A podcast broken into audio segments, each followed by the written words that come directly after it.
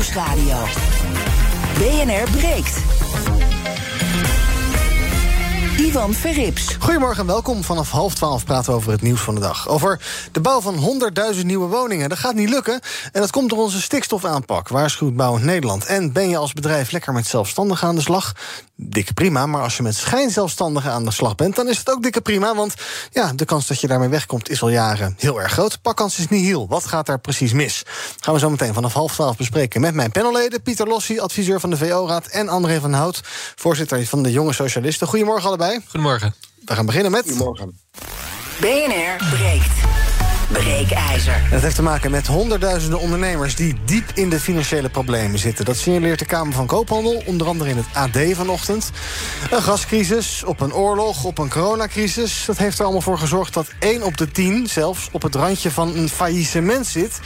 Dat zijn ondernemers die kunnen gewoon de rekeningen niet meer betalen en kampen met problematische schulden. Lange tijd leek het alsof bedrijven hun hoofd goed boven water hielden. En als je door de winkelstraat loopt, dan denk je ook gewoon, er is niks aan de hand. Maar er lijkt toch wel echt iets mis te zitten. Hoe erg is dat? Ons breekijzer vandaag is... bedrijven in de problemen vormen een onzichtbare ramp. Wat vind jij? Ben jij zo'n ondernemer in de problemen? Of maak je je daar zorgen om? Of denk je, ja, het wordt altijd dat de bedrijven hun eigen broek een beetje gaan ophouden.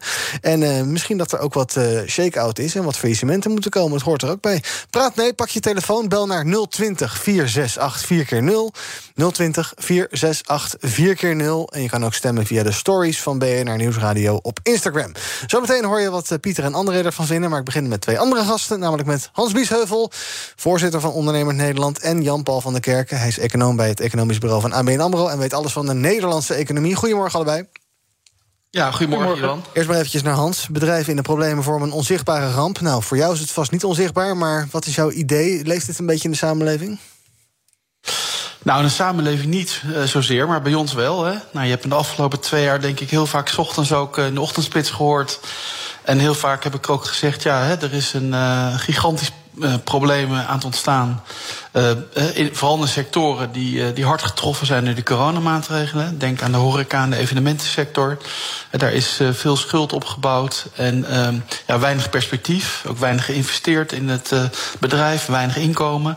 En, ja, en de verdiencapaciteit is gewoon fors uitgehold eigenlijk de afgelopen twee jaar, zou je kunnen zeggen, van die bedrijven. Mm -hmm. En tegelijkertijd staan ze nu voor een tsunami van, van uitdagingen. Hè. Laat ik het woord problemen nog maar even vermijden, dan wordt het helemaal zo somber. Maar ja. Een hele lastige arbeidsmarkt, een stijgende, stijgende energierekening. En ze voelen vaak onmacht om daar wat aan te doen. Want die arbeidsmarktproblematiek die is eigenlijk al langer gaande. Alleen die, ja, die, die lijkt heel erg te verhevigd te zijn in de afgelopen twee jaar. Ja. En die stijgende energierekening, ja, daar kunnen ze op, op, op, zich niet heel erg veel aan doen op dit moment. En als je wat wil doen, ja, bijvoorbeeld we investeren in een, uh, ik noem maar wat, in een elektrische oven ja, dan heb je het geld niet. Dus, nee. dus dat voelt als heel onmachtig. Ja, en dat dan dus uh, 1 op de 7 zegt, ja, wij, of 1 op de 10 zegt, wij balanceren op het randje van faillissement. Dat ja. vind ik echt een enorm aantal. Maar jou ja. ver, verbaast dat dus niet. Het was voor jou al bekend. Nou ja, ik ben al maanden aan het zeggen van jongens, die schuldproblematiek is echt hè, een soort bom onder het MKB. Vooral in de sectoren die ik net opnoemde, die echt, echt kwetsbaar zijn. Uh, en heel veel van die bedrijven zijn gewoon technisch failliet, zou je bijna kunnen zeggen. Daar moet echt iets voor gebeuren. Uh, ik ben daar ook hard mee bezig, iedere dag hier in Den Haag, om daar aandacht voor te vragen. Ik vind dat de politiek op dit moment dat een klein beetje onderschat hoe groot die problemen zijn. Uh, ik heb vaak gezegd, ik ben niet zomaar voor kwijtschelden van al die schulden. Dat vind ik niet zomaar de oplossing. Maar bedrijven hebben echt hulp nodig om, uh, om er doorheen te komen. En, en dat moet rap gebeuren, want door die tsunami van problemen staan inderdaad heel veel aan de rand van de afgrond. Dus we hebben ook niet meer de tijd om daar eens even rustig over na te denken. Het is echt tijd voor actie. Jan-Paul, onze breekijzer. Bedrijven in de problemen vormen een onzichtbare ramp. Wat is jouw uh, indruk? Hoe groot is dit probleem?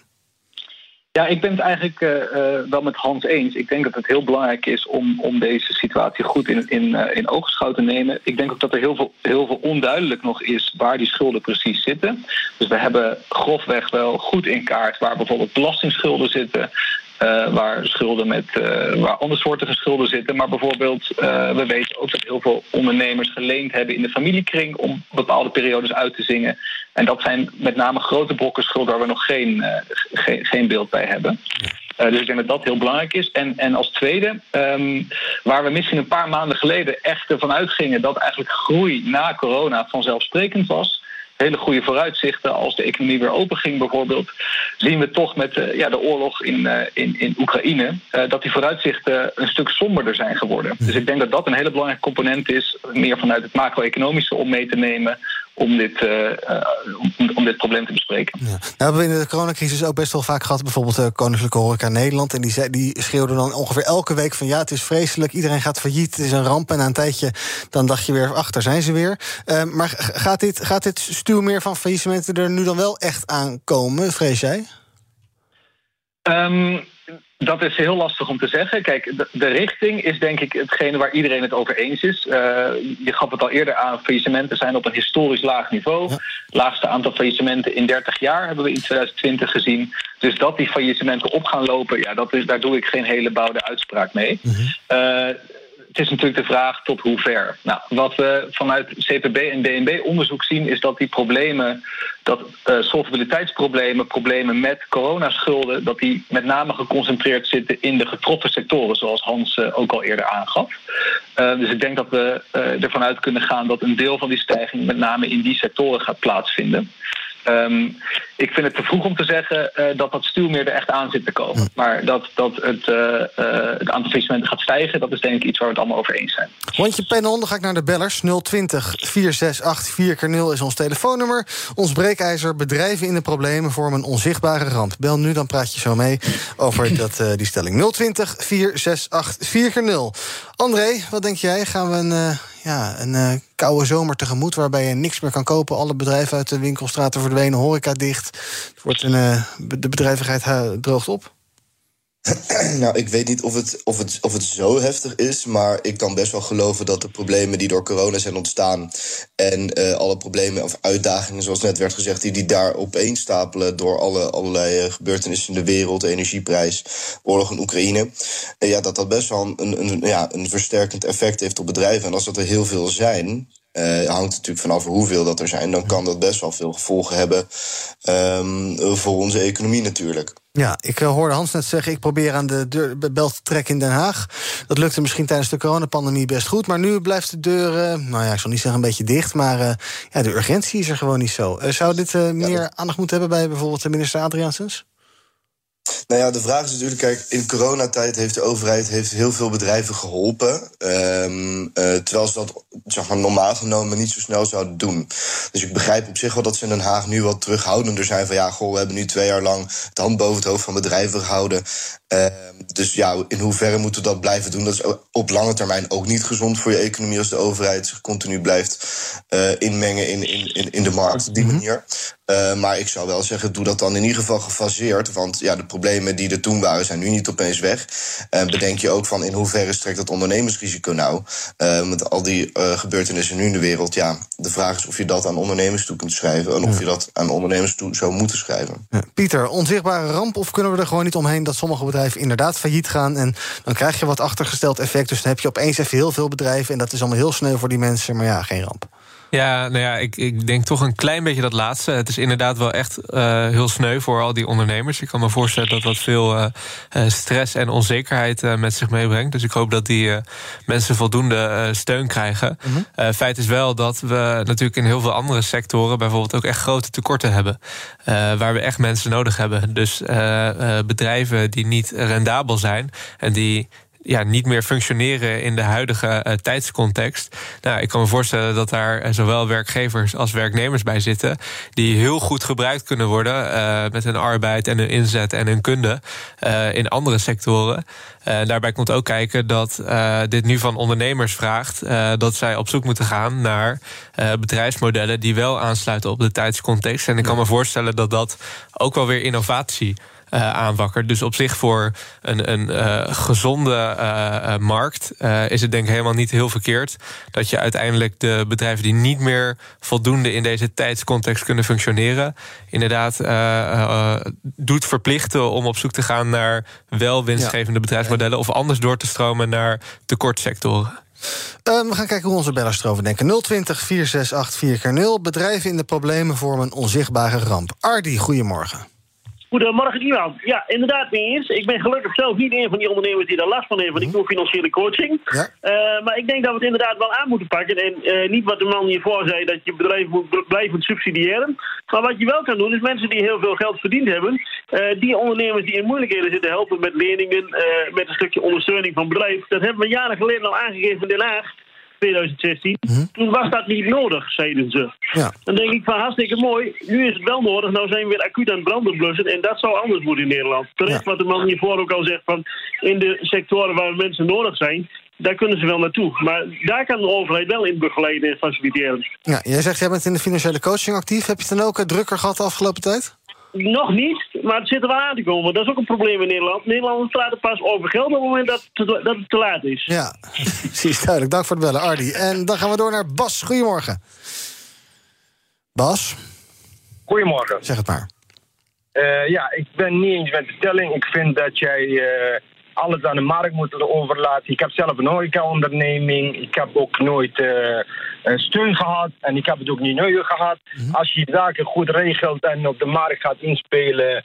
Ja, dat, eh, als je, ik vind dat de zwakken die moeten gewoon eh failliet moeten gaan. En anderen moeten innoveren. En de sterkste blijven over. En wie? Eh, de schulden kwijtschelden, dat is ook niet eerlijk ten opzichte van de mensen die wel de belasting hebben betaald. Nee. En zeg je dan een beetje helpen mag wel. Dus eh, schulden omzetten in wat langdurige leningen. Dat vind ik wel prima. Maar, Ja. eh, maar inderdaad, eh, ja, be- be- bedrijven die niet functioneren omhoog houden... daar moeten we gewoon mee stoppen. Ja, absoluut. Daar ben ik helemaal mee eens. Duidelijk, dank voor het bellen. BNR breekt. Ivan Verrips. Met in mijn panel vandaag Pieter Lossi van de VO-raad. Althans, hij adviseert de VO-raad. André van Hout, voorzitter van de Jonge Socialisten. En ook bij me zijn Hans Biesheuvel van Ondernemer Nederland... en econoom Jan-Paul van der Kerken. Hij weet alles van de Nederlandse economie... en is eh, werkzaam bij het economisch bureau van ABN AMRO. Eh, Hans, dat is toch wel even goed om eh, voor te leggen. Ook heel veel bedrijven die ja, kunstmatig omhoog zijn gehouden... wat misschien eigenlijk niet, niet meer voldoet in deze tijd. Ja, dan is het inderdaad wel innoveren of wegwezen, toch? Zo hard mogen we het wel zijn? Nou, kijk, in, in normale economische omstandigheden ben ik het daar helemaal mee eens. Hè. Ik bedoel, eh, ik ben helemaal niet van het pamperen en subsidiëren van bedrijven. Ik hou vooral van ondernemen hè, en vernieuwen. Eh, we hebben natuurlijk alleen e- hele exceptionele omstandigheden gehad... waarbij je gedwongen werd om dicht te gaan. Waarbij de overheid je dwong om je deur dicht te houden. Nou, en dan was het gewoon voor bedrijven niet heel makkelijk... om eh, toch nog eh, omzet te maken. Dus ik ben het met, veel van wat ik net hoorde eens in normale omstandigheden. Maar we zitten nu in, in hele uitzonderlijke omstandigheden. Daar vraagt wel om aandacht. Ik ben helemaal niet voor kwijtschelden van die belastingsschuld bijvoorbeeld. Ik vind dat die belastingsschuld moet uiteindelijk gewoon terugbetaald worden. Alleen, ik ben wel voor, geef bedrijven iets meer ruimte daarbij. Omdat er ook geïnvesteerd moet worden in de toekomst van het bedrijf. Ook omdat je wat reserves moet opbouwen weer als je die kwijt bent. Eh, je vaak nog, hè, wat net voorbij kwam, ook private schulden vaak hebt. Hè, want ik hoorde de meneer van ABN AMRO zeggen... we weten niet precies waar het zit. Nou, ik weet het ook niet precies, maar ik heb met eh, de vorige staatssecretaris van Sociale Zaken... Dennis Wiersma in, de, in eh, november en december geprobeerd het toch een beetje in kaart te brengen. En de schattingen gaan toch wel eh, naar, dat- naar, nou, in ieder geval meer dan 10 miljard... aan private schulden bij nou, MKB-bedrijven in de sectoren die hard getroffen zijn. Dus dan gaat het best hard. En, ehm, en waar ik echt voor pleit is niet kwijtschelden, maar geeft die ondernemers wel een ja, steun en hulp in de vorm van misschien wel coaching inderdaad. Of dat ze ja, een beetje begeleiding krijgen, een overzicht te krijgen over hun financiële situatie. Zodat ze op een verantwoorde manier eh, afweging kunnen maken. Kan ik verder? Ben ik levensvatbaar of kan ik misschien beter stoppen? Ja. In het AD zegt eh, eh, iemand van de Kamer van Koophandel... die een fantastische functie heeft, de programmamanager Zwaar Weer... dat er eh, Ja, dit jaar mogelijk die ken ik, 220.000 ondernemers eh, eh, eh, failliet gaan. Jan-Paul, de macro-economische impact daarvan... die is dan weer best wel gering, zegt in ieder geval Joris Knopen... hoogleraar bedrijfseconomie in het AD. Hoe kan het eigenlijk dat er heel veel bedrijven dus gaan omvallen... maar dat we daar eigenlijk niet zoveel van merken? Ehm, nou, eh, 220.000 bedrijven, dat, als die, eh, laten we even uitgaan, eh, de aanname doen dat die allemaal failliet gaan, dat, zou, eh, dat is een flinke aantal. Dus dat eh, zal denk ik grotere macro-effecten gaan, gaan hebben. Maar we, ehm, dat verwacht ik nog niet. Uh, natuurlijk zullen het aantal faillissementen oplopen. en waarom zullen die macro-economische uh, effecten daarvan meevallen? Ja, dat is de arbeidsmarkt die al, die al genoemd is. Het grootste effect van, van faillissementen is dat ja, er een omslag plaatsvindt op de arbeidsmarkt sentiment verslechtert. Maar als je snel weer ergens anders aan de slag kan, dan, dan gaat dat keteneffect gaat, gaat niet door, om het, even, om het even zo te zeggen. Ik zou nog wel een nuance willen plaatsen bij, uh, bij die uitgestelde belastingen. Dus um, want daar hebben we het natuurlijk over. Meneer Van uh, Hans gaf net aan, ongeveer 10 miljard staat, staat uit bij familie en, en vrienden. Er staat ongeveer 20 miljard nog uit aan belastingsschuld. Dus dat zal, zal echt de grootste schuldenaar zijn dan. Ik denk wat ook belangrijk is om aan te geven hier... dat TNB in kaart heeft gebracht... ja, waar zitten die schulden nou in termen van uh, corona-gerelateerde uh, bedrijfstakken, of die geraakt zijn door de coronacrisis, en bedrijfstakken die niet geraakt zijn door de coronacrisis. En daar komt eigenlijk ook uit dat een groot deel van die belastingsschuld ook uitstaat bij bedrijven die eigenlijk voor de coronacrisis al slecht presteerden. En die bijvoorbeeld een hele lage productiviteit hebben. Ja. Dus uh, ik zou daar, dat is denk ik een nuance die ook belangrijk is om aan te geven. Dat niet elk bedrijf wat een belastingsschuld heeft, Um, uh, heeft die, omdat hij getroffen is door, door, door de coronacrisis. -hmm, ja.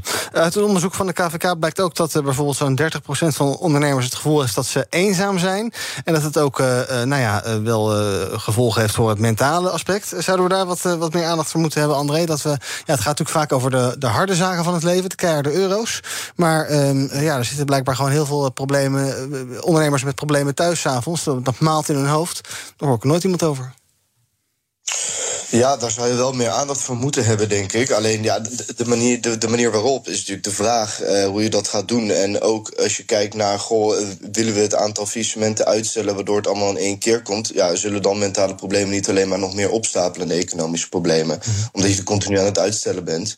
Uh, ik denk dat mentale problemen in deze zin uh, alleen, alleen nog maar erger worden, omdat je veel te lang in dezelfde situatie, een uitzichtloze situatie zit. Dus ik denk dat het heel goed is, wat net ook al is voorgesteld door Hans om uh, iets van coaching of uh, in ieder geval daar een soort hulp aan te bieden. Want dat, dat maakt de situatie ook voor die ondernemers minder uitzichtloos. Omdat ze gewoon simpelweg weten waar ze aan toe zijn.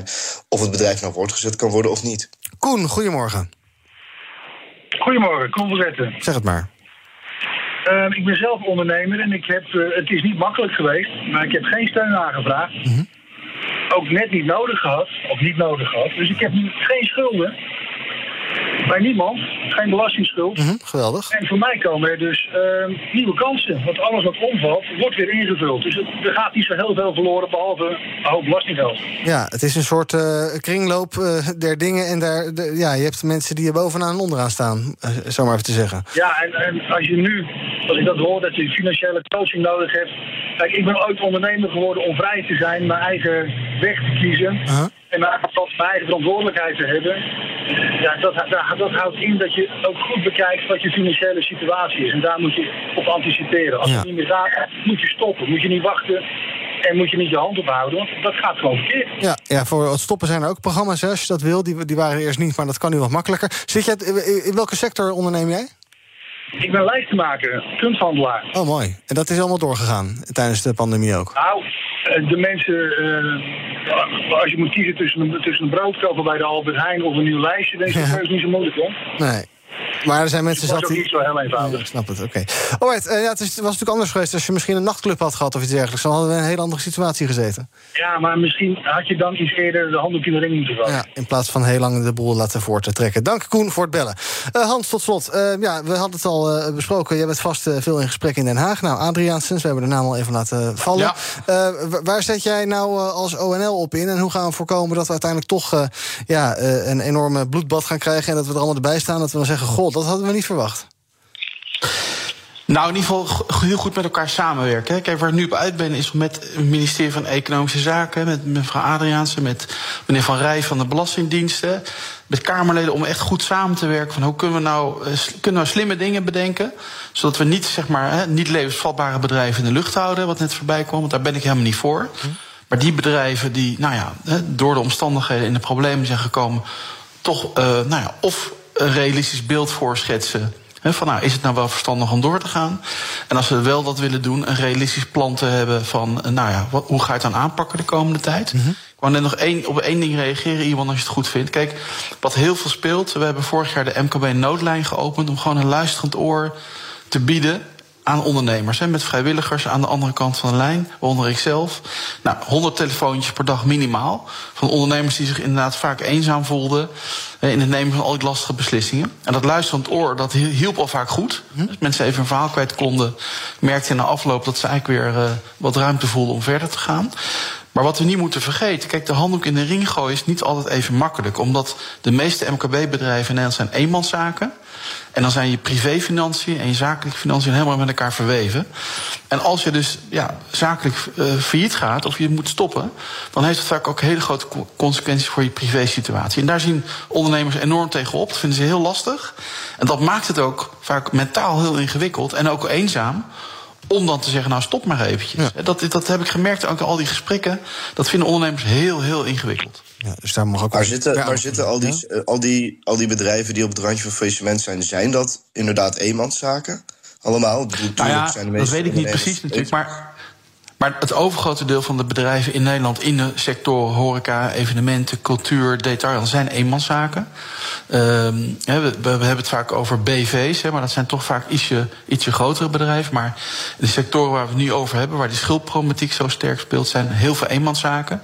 En nogmaals, daar loopt die, dat, loopt die, uh, ja, die privé en zakelijke financiën lopen dwars door elkaar heen. En dat maakt het heel ingewikkeld. Ook mentaal voor ondernemers om te zeggen, nou, nu stop ik ermee. Want het heeft direct consequenties ook voor je privé privé-situatie. Duidelijk, dankjewel Hans Biesheuvel van ONL... en ook Jan-Paul van der Kerken van het Economisch Bureau van ABN AMRO. Ons breekijzer, je kan nog de hele dag stemmen via onze Instagram-pagina... Bedrijven in de problemen vormen een onzichtbare ramp. Op dit moment is zo'n 75% daarmee eens. Nou, laten we misschien met z'n allen die uh, ramp aankomende ramp wat zichtbaarder maken... zodat die misschien ook wat minder hard is. Zometeen, tweede deel, ga ik verder praten met Pieter en André... over de bouw, die ligt stil, dat komt door de stikstofaanpak. Moeten we nou stoppen met die aanpak of moeten we iets met die bouw? En bedrijven die met schijnzelfstandigen werken... die komen daar vrijwel altijd ongestraft mee weg. Feest, allemaal zometeen bij BNR Breek. Tot zo. Bij BNR ben je altijd als eerste op de hoogte van het laatste nieuws. Luister dagelijks live via internet. Jelle Maasbach. Wesley Weert. We zijn er voor je met het leukste, opvallendste... maar natuurlijk ook het belangrijkste nieuws. Tijdens de presentatie van die halfjaarcijfers... toen die beurskoers in elkaar kukkelde. BNR Beurs. Voor de slimme belegger. Blijf scherp en mis niets.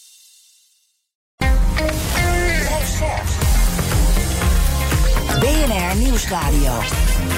BNR breekt.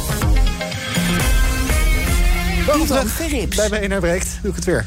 Net als gisteren. Uh, in mijn panel vandaag Pieter Lossi, adviseur van de VO-raad... en André van Hout, voorzitter van de Jonge Socialisten. En wij gaan praten over het nieuws van de dag. We beginnen bij uh, schijnzelfstandigheid. Bedrijven die met ZZP'ers werken... die eigenlijk geen echte zelfstandigen zijn... die komen daar vrijwel altijd ongestraft mee weg.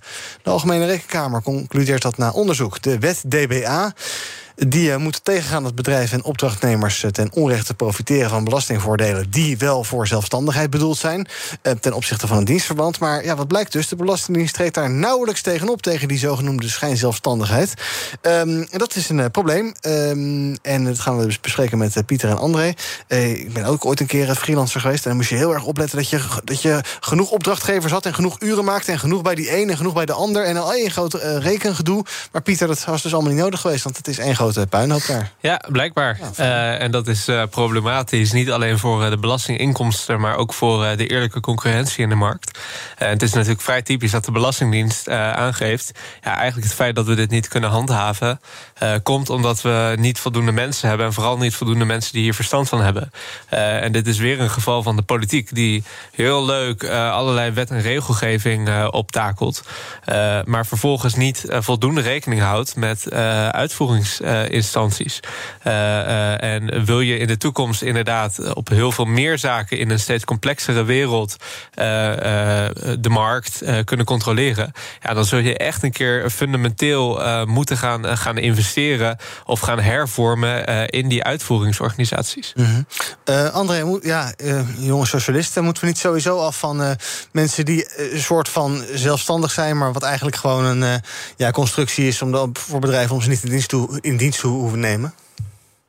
Ja, die schijnconstructies, daar moeten we sowieso van af. Ehm, ik bedoel, dat is natuurlijk het sprookje wat we, wat we onszelf in het liberale land vaak vertellen. Dat als je maar ondernemer bent en genoeg risico neemt, uh, dat dan vanzelf alles goed komt en dat je dan geweldig bent. Um, en, en, en ook de tendens dat, dat bedrijven alsmaar het eerste post was op bezuinigen is hun eigen personeel.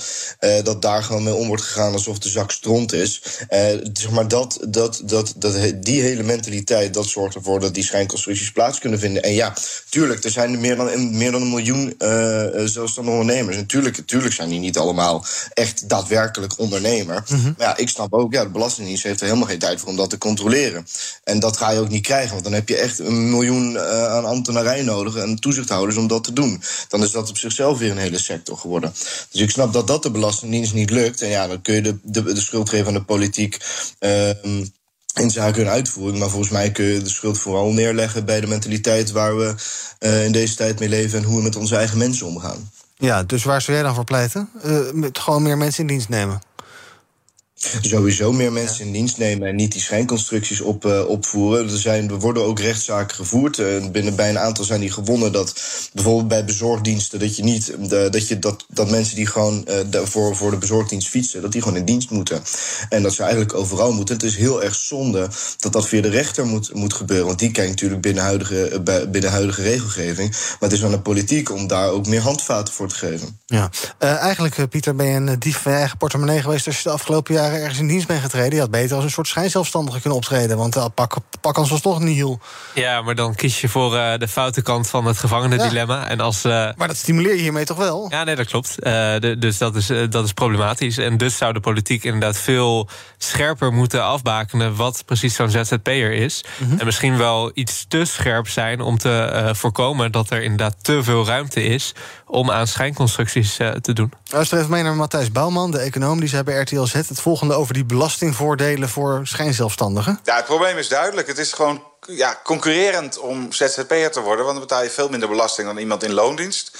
Uh, aan de onderkant is volgens mij de enige oplossing... is om ook mensen in loondienst veel minder belasting te laten betalen. Ja, is dat ook een goed idee uh, uh, om dat inderdaad te doen, André? Dat we, ja, dat we meer gelijk trekken? Uh, nou, ik, ik, ik zou er niet voor pleiten dat we opeens de, de belastingen zodanig omlaag houden. Ik bedoel, we hebben allerlei problematiek in de samenleving. Dan willen we allemaal dat de overheid daarvoor optreedt. Maar aan de andere kant willen we wel weer dat de belasting lager is en de, en, en de verantwoordelijkheid van ons afschuiven. -hmm. Ja, daar gaat natuurlijk niet. Alles in de samenleving kost geld. En zo ook belastingen. Dan zou ik eerder zeggen, doe dat dan voor zelfstandige ondernemers. Uh, regel dat op een andere manier, waardoor het in ieder geval eerlijker wordt. Uh, ik bedoel, de belastingen zijn in Nederland al zijn al omlaag gegaan in de afgelopen tijd. Uh, mij, mij lijkt het me niet, uh, niet logisch met de uitdagingen die we hebben als we kijken naar nou, de, goed, de oorlog in Oekraïne, wat waarschijnlijk een hoop geld gaat kosten. Uh, als we kijken naar de klimaatproblematiek die we met z'n allen moeten oplossen, dat, dan, dan lijkt het mij heel sterk dat het verlagen van de belastingen in deze nou een heel goed idee is. Maar echt een populair standpunt, hogere belastingen. Nee, maar ik zeg vooral dat ze nu niet omlaag moeten. Nee. Dat, dat, dat is belangrijk. Ja, als we met z'n allen uh, van alles willen dat er bereikt wordt, ja, dat, kost gewoon geld. Ja, dan moet je belasting over moeten betalen. Dus ik, het lijkt mij niet dat, dat de belasting op loon nou per se omlaag moet voor de schijnzelfstandigen. Kijk, belasting op vermogen, dat moet sowieso omhoog. Mhm. Mm -hmm. En dan zou eventueel in de toekomst de belasting op loon omlaag kunnen. Maar zolang je dat niet regelt en zolang daar politieke onwil voor is, gaat dat nooit gebeuren. Pieter, gaat de uh, politiek dit probleem ooit oplossen? Of uh, ja, uh, kan je de komende jaren prima risicoloos schijnzelfstandig blijven? Want ja, we kunnen nog ineens de BTW op een appel verlagen. Dus, ja. Nou ja, dat is het probleem. En, en dit, dit soort nieuws schept natuurlijk een precedent voor heel veel bedrijven, ook in de toekomst, om creatief om te gaan uh, met nieuwe wet en regelgeving. Dus de politiek zal eerst uh, dat toezicht en die controle moeten fixen... voordat zij overgaat tot een nieuwe strenge controle. en er zijn heel veel problemen die nog komen gaan... en nieuwe constructies waar nieuwe wet en regelgeving voor nodig is. Dus zal de politiek zo snel mogelijk werk moeten maken... van een hervorming of een fundamentele investering... richting die uitvoeringsorganisaties. ZZP hoef je geen zorgen te maken de komende tijd. Misschien niet. Als je aan de foute kant van het gevangenendilemma dus gaat staan, dan niet. Bij BNR ben je altijd als eerste op de hoogte van het laatste nieuws. Luister dagelijks live via internet. Jelle Maasbach, Wesley Weert. We zijn er voor je met het leukste, opvallendste, maar natuurlijk ook het belangrijkste nieuws. Tijdens de presentatie van die halfjaarcijfers toen die beurskoers in elkaar kukkelde. BNR Beurs. Voor de slimme belegger. Blijf scherp en mis niets. BNR breekt. Praten over stikstof. De brancheorganisaties Bouw Nederland, VNO-NCW en FME maken zich vandaag zorgen in de Telegraaf. Want zij zeggen het land gaat op slot voor de bouw. En economische ontwikkeling komt tot een stilstand als de nieuwe stikstofaanpak van het kabinet doorgaat. Dat, uh, daarvoor waarschuwen zij dus. Vandaag is er een Kamerdebat over stikstofproblematiek. En deze partijen die zeggen: ja, dit uh, gaat een groot probleem worden. We moeten bouwen, bouwen, bouwen. Maar dat gaat niet, want uh, stikstof is veel te belangrijk. Pieter, kies maar stikstof of bouwen. Stikstof, overschot tegengaan of bouwen? Nou, zo simpel is het niet, want uh, deze organisaties zeggen ook... Uh, eigenlijk het plan wat nu voor ligt is te slap wil je gaan bouwen. Dus je kan heel goed aan stikstofreductie werken... Mm -hmm. door bijvoorbeeld in te grijpen in de agrarische sector... en door bedrijven sneller uit te kopen. en vervolgens die ruimte gebruiken om bijvoorbeeld natuurherstel... en, en uitbreiding te faciliteren. Maar ook ruimte te gebruiken voor woningbouw. En wat ik in ieder geval begrijp van deze organisaties dat als je naar dat plan wat nu voor ligt voor uh, die stikstofaanpak uh, nu kijkt, dat dat nog te veel uh, pappen en nat houden is, te veel afwachten. En nou, dat hebben we eigenlijk al veel te lang gedaan rondom dit dossier. Dus wat dat betreft vind ik hun oproep heel terecht en zouden we dus daadkrachtiger moeten optreden. Ja, maar ze hebben natuurlijk ook wel een eigen belang, want zij willen bouwen. Tuurlijk, maar, tuurlijk, maar dat belang is niet alleen hun eigen belang... maar dat belang is van uh, heel veel Nederlanders een belang. Ja, uh, André, los dit probleem eens even op in uh, twee minuten. Dank u wel voor dit vraagstuk, uh, Ivan. Graag gedaan. Uh, nee, ja, het is, het is natuurlijk gewoon... Ja, we willen met z'n allen bijbouwen... dus dan zal het kabinet ook wel plannen moeten maken... om, om dat te faciliteren. Mm -hmm. uh, bedoel, er staat, wat ze zelf ook zeggen... ja, er zijn gewoon er zijn gewoon een aantal grote die je kunt uitkopen. Dan heb je best een grote oplossing. Als je kijkt naar de grootste 20 bedrijven, dat is eigenlijk gewoon meer dan de helft van de, van de stikstofuitstoot van heel Nederland. En dan heb ik het dus over, over boerenbedrijven of een kalkoenbedrijf in, in, in Drenthe, wat ook alweer bij volgens mij 10% van, van alles heeft. Ja, als je die nou uit, uh, uitkoopt of, uh, of op welke manier dat ook doet, um, daar inderdaad in investeert, zodat je de stikstofproblematiek kan oplossen, dan kunnen we ook gewoon weer met z'n allen bouwen. Ja, maar dus wat minder, uh, wat minder pap en nat houden, wat meer de beuk erin ook wat jou betreft. Wel meer doorpakken. Ja, um, het kabinet is dus van plan om die 100.000 woningen per jaar te gaan bouwen. Maar dat gaat de komende jaren niet lukken. Althans, je hoort daar een soort wisselende geluiden over. Maar ik geloof dat toch de consensus wel is dat dat niet gaat lukken. Um, gaan we dat uh, woningtekort uh, ooit oplossen, Pieter, denk jij? Ja, de vraag is wanneer heb je het opgelost? Hè? Uh, dus, dus dat is lastig. Uh, ik denk dat je bijna meer zou moeten uh, hopen op een correctie vanuit de markt zelf. Dat uiteindelijk iets van die bubbel gaat knappen. Dan dat je inderdaad op korte termijn gaat krijgen dat de overheid dit gaat oplossen. het is natuurlijk het plan om de komende tien jaar een miljoen woningen te gaan bouwen. Voordat alles staat en dan ook nog met de nou, vrij summiere kans dat het daadwerkelijk lukt om die 1 miljoen woningen te gaan bouwen. Ja, het is de vraag of de markt uh, voldoende prijsreductie gaat incalculeren in de huizenmarkt nu of op korte termijn -hmm. uh, op die overheidsaanpak. Ik denk dat dat ja, toch onwaarschijnlijk is. Ja, nou, gelukkig hebben VNO-NCW en MKB Nederland wel een plan. Die vinden dus ook dat het kabinet te weinig doet om die piekbelasters van stikstof uit te kopen. Zij stellen nu een soort opkoopteam voor dat bij boeren langs de deuren gaat met een zak geld. Luister even mee naar Erik de Braken. Hij is manager ruimtelijke ordening en energie bij VNO-NCW. En hij zegt daar het volgende over. Er zal echt op korte termijn, dat betekent dus dit jaar... een regeling moeten komen van, uh, van de minister... om het uh, ook echt aantrekkelijk te maken om snel te stoppen. Uh, en wij zien dat de minister aangeeft dat ze dat ook wil doen. Maar we zien niet wanneer het gaat starten en of ze ook al dit jaar daar middelen voor vrijmaken. Nee, nou, er zijn wel fondsen bedacht, miljarden in stikstoffondsen en dergelijke. Maar dit gaat nog veel meer kosten, André. We moeten gewoon miljarden vrij gaan maken om allerlei boeren uit te kopen en andere clubs, of ze nou willen of niet. En dat is de enige oplossing. nou, dat, is, dat, is, wel een groot deel van de oplossing, inderdaad. Hm. Oké, okay, we gaan praten over het eigen nieuws. Kijken wat jullie is opgevallen vandaag in het nieuws of de afgelopen dagen. Pieter, ja. jij wilt het hebben over uh, minister Dennis Wiersma. Ja. Uh, dat gaat natuurlijk over onderwijs. Vertel. Ja, voor de rolzuiverheid zeg ik er even bij dat dit op persoonlijke titel is. Mhm. Uh, er vindt op dit moment een uh, debat plaats over de curriculumherziening. Uh, het huidige curriculum in het funderend onderwijs, dus basisonderwijs en voortgezet onderwijs, stamt uit 2006. en je kan je voorstellen met alle ontwikkelingen en nieuwe thema's die belangrijk zijn geworden, dat dat uh, curriculum toe is aan herziening. Uh, echter is er de afgelopen, de afgelopen jaren is daardoor uh, heel veel mensen, heel veel leraren gewerkt aan eigenlijk nieuwe voorstellen voor dat onderwijs over het curriculum. Dus wat leren -hmm. leerlingen in een onderwijstijd? Welke bagage nemen ze mee richting het vervolgonderwijs en richting hun totale leven? en de minister heeft nu gezegd: oké, okay, laten we eigenlijk die plannen gaan afschalen tot slechts de basisvaardigheden. Ja. rekenen, wiskunde, taal, burgerschap en digitale geletterdheid. Uh, dat vind ik jammer. Uh, eigenlijk vanwege, ik, ik, noem even twee thema's. Een van de voorgestelde extra thema's was duurzaamheid. Ik hoef jou niet uit te leggen, Iwan, dat als je kijkt naar het IPCC-rapport. -hmm. Uh, dat er volgens mij geen uh, existentiëler vraagstuk op dit moment is dan duurzaamheid. En dat we het bijna aan de jonge generatie verplicht zijn, die straks in die totaal nieuwe wereld, hopelijk die duurzame wereld gaan leven. dat het fijn zou zijn als zij daarin worden onderwezen. Dat is het eerste waarvan de minister dus zegt. Oh, laten we daarmee rustig aandoen, ja. want het onderwijs is nu gebaat bij rust ja. na deze coronacrisis. Een tweede onderwerp uh, betreft uh, gezondheid. Uh, we hebben zeker in de coronacrisis gezien dat met name mentale gezondheid, maar ook fysieke gezondheid echt een ding is. volgens mij is het dus des te belangrijker dat we nu niet alleen in dat onderwijscurriculum gaan repareren wat eigenlijk de koers is van Dennis Wiersma.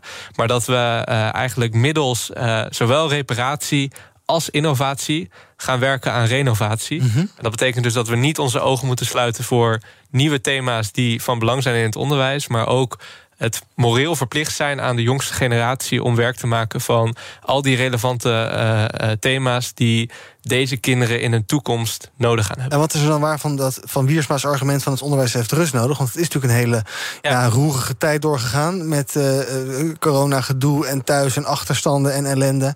Het, ja, moet je dan juist nu allerlei nieuwe dingen gaan doen, allerlei dingen gaan hervormen? Ja, de, nu is een beetje relatief, omdat de voorstellen die er nu voor liggen zouden pas in 2027, 2028 moeten worden geïmplementeerd. Dus dat is pas over vijf jaar. Ja, onderwijs uh, is volgens mij niet toe aan allerlei ontzettend grote herzieningen. Maar tegelijkertijd zien we dat nou, het onderwijs nu ook in de knel zit. En, en het lerarentekort is groot en de motivatie van leerlingen is heel laag. Dus ik heb ook zoiets van het, het huidige systeem en de manier waarop we het nu organiseren, dat werkt blijkbaar niet voldoende om op lange termijn duurzame onderwijskwaliteit te kunnen verzekeren. Ja. En dan kun je volgens mij best met nieuwe materie, nieuwe curriculummaterie, waar heel veel mensen en heel veel experts aan gewerkt hebben, ervoor zorgen dat je nieuwe energie en nieuwe impuls in dat onderwijs krijgt. Ja, moet dat allemaal nieuwe vakken worden? Of zijn dat dingen die nee. je gewoon kan in, bij biologie naar binnen kan schuiven? Exact. Ja. ja. Nou, ik ben benieuwd hoe het gaat aflopen. Er is vandaag Kamerdebat, geloof ik. Ja, zeker. Oh, we gaan het merken. Kijken wat er trending is op de socials dan. Twitter is druk met hashtag Hug, Hugo de Jonge... en zijn hashtag iCloud mailadres. Zou hij al mailtjes hebben gehad van mensen die gewoon geprobeerd hebben... wat zijn adres is dan versturen? Geen idee. Om te achterhalen wat hij naar zijn privémail heeft gestuurd. En dan met name natuurlijk over die mondkapjesdeal met Stuart van Linden. Twitteraars willen hashtag WOP-documenten inzien. Inmiddels heeft de jongen trouwens erkend dat het gebruik van zijn privémail makkelijker was. Want ja, de beveiliging op het ministerie vond hij maar moeilijk... maar hij is er inmiddels wel mee gestopt. En ook de hashtag Efteling is trending. Na de zomer start het pretpark met de bouw van een nieuw hotel. Het Efteling Grand Hotel wordt met zeven verdiepingen het grootste hotel... en opent in 2024. En tot slot moeten we het toch even hebben over Ed Sheeran. Die heeft een copyrightzaak gewonnen. Het OI uit zijn nummer Shape of You zou wel erg lijken op OY... uit een nummer van de artiest Sammy Switch. En we kennen natuurlijk Shape of You, hè, dat is deze. Ja. Die kennen we allemaal. Maar het zou dus allemaal gaan om dit stukje. Ik dacht altijd dat hij zong Huawei, Huawei, maar dat is niet zo. En het zou dus heel erg gaan op dit stukje. Ja, uiteindelijk heeft Ed Sheeran de zaak dus gewonnen. Vond het ook niet heel erg gelijk, Pieter? Jij wel? Nee, je hebt maar zeven uh, tonen, hè, primaire tonen. Dus ja. ja. dan ga je al snel op elkaar lijken. Oké, okay, heel goed. Ik ben zo benieuwd hoe zo'n rechter dit dan beoordeelt. Uh, ja, ik heb geen idee. Ik, ik, heb geen idee. Nee, wat, vond jij het op elkaar lijken of niet? Veel mee, toch? Wow. Ah, nog een keer dan. Dat is de ene. Ja. Als je, ze nou, als je ze zo naast elkaar legt, dan wel. Maar ja, natuurlijk de context van het liedje. Ja, dat je, op een gegeven moment kun je geen muziek meer maken, omdat alles wel is gedaan. Ja, nou goed, ik geloof dat het een uitspraak is van de, heus van de Hoge Raad en dergelijke. Dus we gaan nog wel even de juridische documentatie induiken. En dan komen we er na de uitzending nog wel even op terug. Tot slot, nog even naar het Europees Parlement. Dat wil namelijk dat alle bedrijven met meer dan 50 mensen in dienst hun salarissen openbaar gaan maken. Zodat personeelsleden salarissen met elkaar kunnen vergelijken. En op die manier wil het parlement de loonkloof blootleggen en eh, bedrijven dwingen om maatregelen te nemen als ze bijvoorbeeld vrouwen te weinig te betalen, de gender pay cap. Ehm, moet maar eens eh, duidelijk worden hoeveel eh, mannen en vrouwen uh, verschillen als het gaat per bedrijf, dus ook om inkomens. Is dat een goed idee, Pieter? Dat we het geanonimiseerd allemaal openbaren? Ja, ik vind het doel op zich goed. het, het, middel iets minder. De vraag is inderdaad in hoeverre het geanonimiseerd is. je hebt inderdaad te maken met privacy van werknemers, maar je hebt volgens mij binnen een organisatie met name te maken, hopelijk met een, een team aan mensen dat samen aan een opdracht werkt. En als je uh, slechts mensen hebt die daar constant uh, met anderen vergelijken uh, wat het salaris is, dan denk ik dat dat een nogal giftige werksfeer doet bevorderen. En dat moet je voor mij niet willen. Ik denk als je inderdaad die data collectief verzamelt mm -hmm. en daar een soort metabeeld van maakt en dat geanonimiseerd doet, dat het op zich wel zou kunnen werken. Ja, André, ben jij ervoor dat, dat, dat het gewoon eens inzichtelijk wordt wat mannen en wat vrouwen verdienen op de werkvloer en hoeveel de verschil daarin zit? Ik vind dat sowieso een heel goed idee. In Nederland doen we, doen we altijd al moeilijk over, over, over salaris en hoeveel je verdient. Ja. Dat het allemaal heel, heel spannend is. Uh, maar dat, is eigenlijk, dat vind ik eigenlijk heel erg giftig. Dat je gewoon niet kunt praten over wat je financieel binnenkrijgt vanuit een bedrijf. En wat voor erkenning je hebt voor je werk. Um, en zeker ook omdat we zien dat vrouwen gewoon structureel wel gewoon minder betaald worden dan hun mannelijke collega's. Uh, denk ik dat het hartstikke goed is als dat gewoon openbaar wordt gedaan. Natuurlijk wel geanonimiseerd. Uh, maar ik denk dat we daar prima open over kunnen zijn. Ik denk dat dat de sfeer juist een stuk minder giftig maakt. Waar, komt waar komt dat denk je vandaan dat we het allemaal zo eng vinden om over geld te praten? Ik vind ook niet. Ik ga ook niet heel makkelijk tegen iedereen hier vertellen wat ik verdien. Ik weet niet, het voelt toch een beetje gek. Ik denk dat het een soort Calvinisme is of zo. Dat je daar niet. Ik weet, ik weet ook niet waar het vandaan komt hoor. Moet ik heel eerlijk zeggen. Waar, waarom dat in onze cultuur zo is ingebakken. Ja, ben jij een makkelijke prater, Pieter, over je financiën? Uh, Als je nu ja zegt, weet je wat ja, er nee, precies. Dan nee. nee, maar serieus? Nou ja, op, op zich wel. Wel, met, wel in gesloten kringen Ja, met, ja. met vrienden. Ja. Eh, Maar ik hoef niet de, dat mijn eh, eh, salaris en mijn persoonlijke financiën... op de website van de Europese Unie komen te staan. Nee, nou, Even heel af. plat gezegd. Ursula von der Leyen is coming for you. Oké, dankjewel vandaag voor jullie aanwezigheid bij BNR Breekt. Ik dank Pieter Lossi, adviseur van de VO-raad... en André van Hout van de Jonge Socialisten. Morgen is het donderdag, dan ben ik er weer. Tot die tijd kun je ons volgen via de socials. Zoek maar even op BNR op eh, YouTube, Instagram, Twitter, TikTok zelfs ook. Dan vind je ons daar. En zometeen is eh, Thomas hier. Benieuwd hoe lang zijn stem het volhoudt. Zaken doen. Tot morgen. Bij BNR ben je altijd als eerste op de hoogte van het laatste nieuws. Luister dagelijks live via internet. Jelle Maasbach, Wesley Weert. We zijn er voor je met het leukste, opvallendste, maar natuurlijk ook het belangrijkste nieuws. Tijdens de presentatie van die halfjaarcijfers toen die beurskoers in elkaar kukkelde. BNR Beurs. Voor de slimme belegger. Blijf scherp en mis niets.